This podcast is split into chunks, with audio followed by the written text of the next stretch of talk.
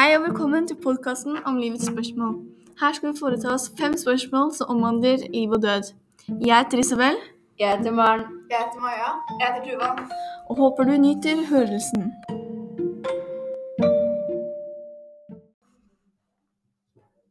Jeg gjetter at du lever siden du hører på dette. Kanskje du har vært i en nær døden-opplevelse, eller kjenner noen som har det. Du kjenner sikkert noen som har dødd. Kanskje de var nær deg. Føler du deg ikke bra, bra nok og sliter med selvtillit og selvbilde, er denne podkasten helt perfekt for deg. I samfunnet vårt strever mange med psykiske lidelser. Tenker dere at unge mennesker jager for mye etter det perfekte? At man anstrenger seg for hardt for å blidgjøre alle? Være pen, vellykket og flink? Har unge vanskelig for å akseptere at man ikke alltid kan få til ting, eller mestre alt? Mm, Jeg tenker at det kanskje er en del av problemet med psykiske lidelser.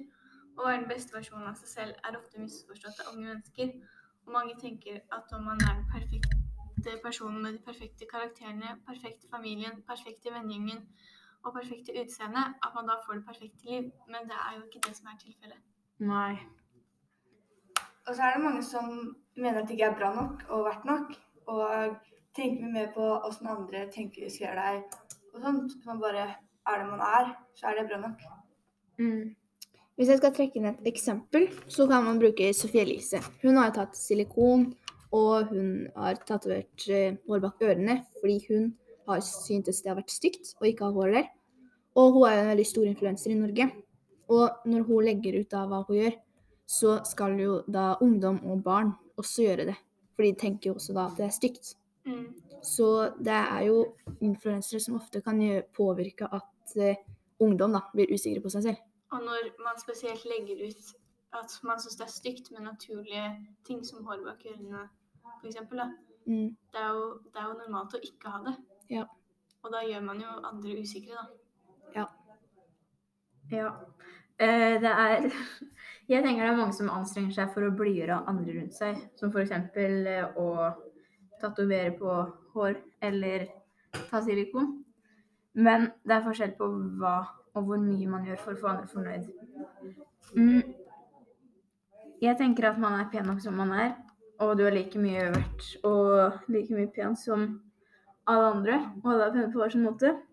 Jeg tenker det er mange som sliter med å akseptere at man ikke kan alltid få til ting og mestre alt. Og dette kan føre til at barn og unge blir usikre på seg sjøl og blir skuffa over ting de ikke får til. Nå skal vi over til neste tema, som er hva er et godt liv?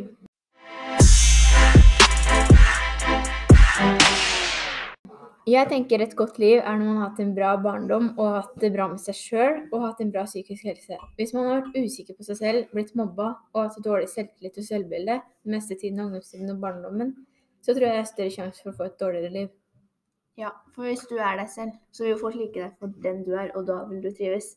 Og man kan jo selvfølgelig ha dårlige dager, men det betyr jo ikke at man har et dårlig liv. Det er jeg helt enig i. Men det er veldig mange også som misforstår hva et godt liv er. Fordi mange mener det er hvis man liksom får den jakka og de skoa og har de vennene, så har man liksom et godt liv. Ja. Men jeg vil heller definere det mer som at man har det man trenger, da.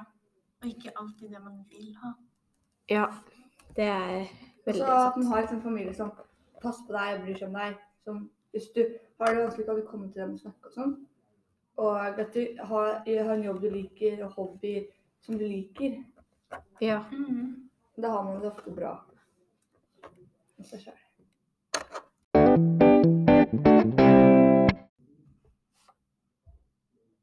Kan egentlig et menneske ha en god død?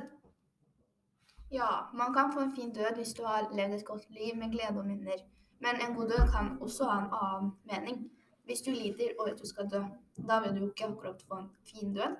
Men igjen så er det folk som er glad i deg, og du vil se dem en siste gang. Og kanskje vil du dø med glede, selv om du har det vondt. Ja, jeg tenker en fin død kan være at man har hatt et bra liv, sluppet å være syk lenge. Et eksempel på en fin død som har skjedd noen jeg kjenner, er at nevøen og niesen og søstera til han som døde, spilte favorittsangen hans imens de holdt han i handa. Han hadde vært litt syk, men når livet avslutter med de man er mest glad i, og de synger og spiller favorittsangen hans, tenker jeg at han har fått en fin død. Og det viser også at de setter pris på han og legger merke til det han sier. En annen jeg hørte om, fikk vite en uke før jul at hun kom til å dø innen uka. Og det eneste hun ville, var å dø. Hun spurte mange ganger om de kunne sette en sprøyte slik at hun døde, men det er jo ikke lov. Og hun døde ikke før i slutten av mai det neste året, så nesten et halvt år etter hun fikk vite at det var en uke til. På slutten måtte hun peke på bokstaver, for hun klarte ikke å snakke, og kasta opp og klarte ingenting. Dette tenker jeg er en død som er helt forferdelig, både for hun og de rundt. Jeg er helt enig. Fordi døden din handler om at det ikke bare deg, men også de som mister deg. Du har veldig mange personer som er glad i deg, og for eksempel så har jeg en i familien min som har kreft, og hun har fått beskjed om at hun kommer til å dø før sommeren. Og barnebarna hennes skal ha konfirmasjon, som er i september. Og hun kommer ikke til å rekke den, så de skal ha en ekstra konfirmasjon nå på våren. Bare sånn at hun skal få rekke den. Og de rundt henne sier at det er veldig vanskelig å vite at hun kommer til å gå bort, og at hun ikke kommer til å oppleve den ordentlige konfirmasjonen. Og hun også sier at det er veldig vanskelig å vite at de setter opp en konfirmasjon bare sånn at hun skal få oppleve den. Hvis man har opplevd alt man har lyst til i livet, og føler egentlig at hatt et godt liv med gode venner, familie og sånn, så tenker jeg at hvis du dør som gammel da, uten så veldig mye sykdommer og så veldig vondt, så tror jeg du får en god død. Da har du på en måte hatt et bra liv. Og alle dør jo selv om det ikke er like Det er ikke så gøy. Ok, så over på neste tema.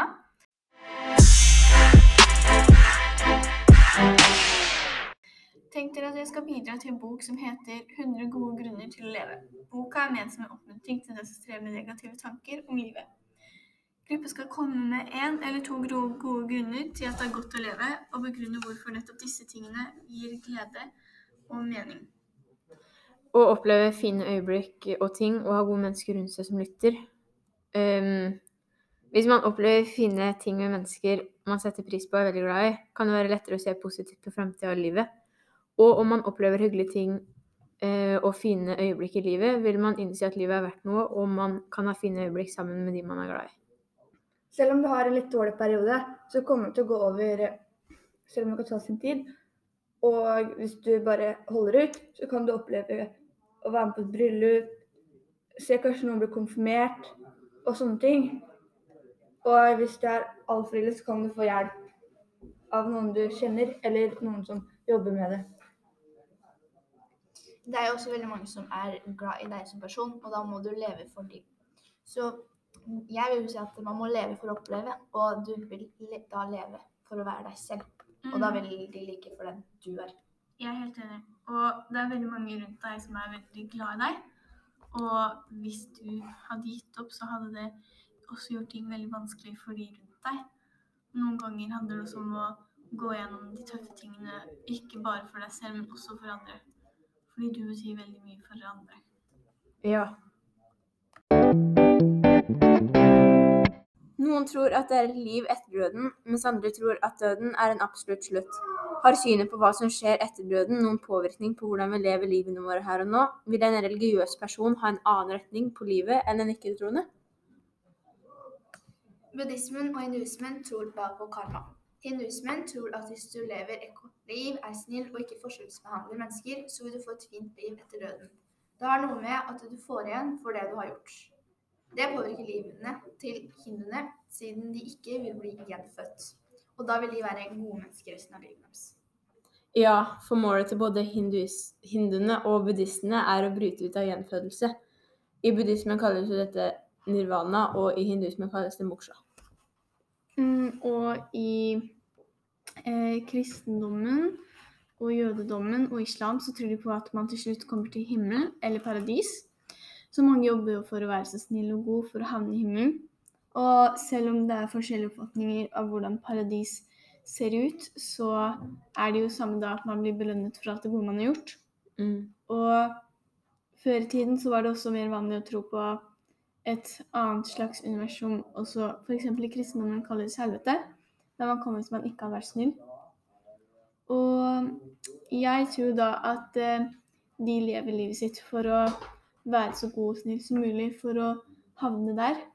Fordi hadde jeg vært troende, så hadde ikke jeg vært slem og stygg mot andre, for å så havne i et uh, sted etter døden hvor jeg ble straffa for alt jeg hadde gjort. Nei, det er sant. Og så er det ikke alle som tror på en gud. Det er mange som mener at uh, det ikke er noe himmel etter døden. At når du er død, så er livet slutt. Det er liksom ikke noe mer. Og da, føl da lever man på en måte etter oppdragelse og normer. Og så er det, følger man liksom menneskerettighetene, da. Og bare er snill mot andre mennesker og prøver å leve livet så bra som man kan, da. Mm. Ja. Og så er det noen som tror på ånder og spøkelser. At når man dør, så går sjela videre og blir til spøkelse. Så at man kan kommunisere med den døde Mm. Mm. via ånder og sånt. da. Ja.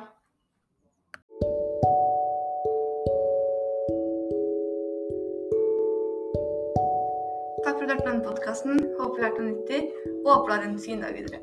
Ha det!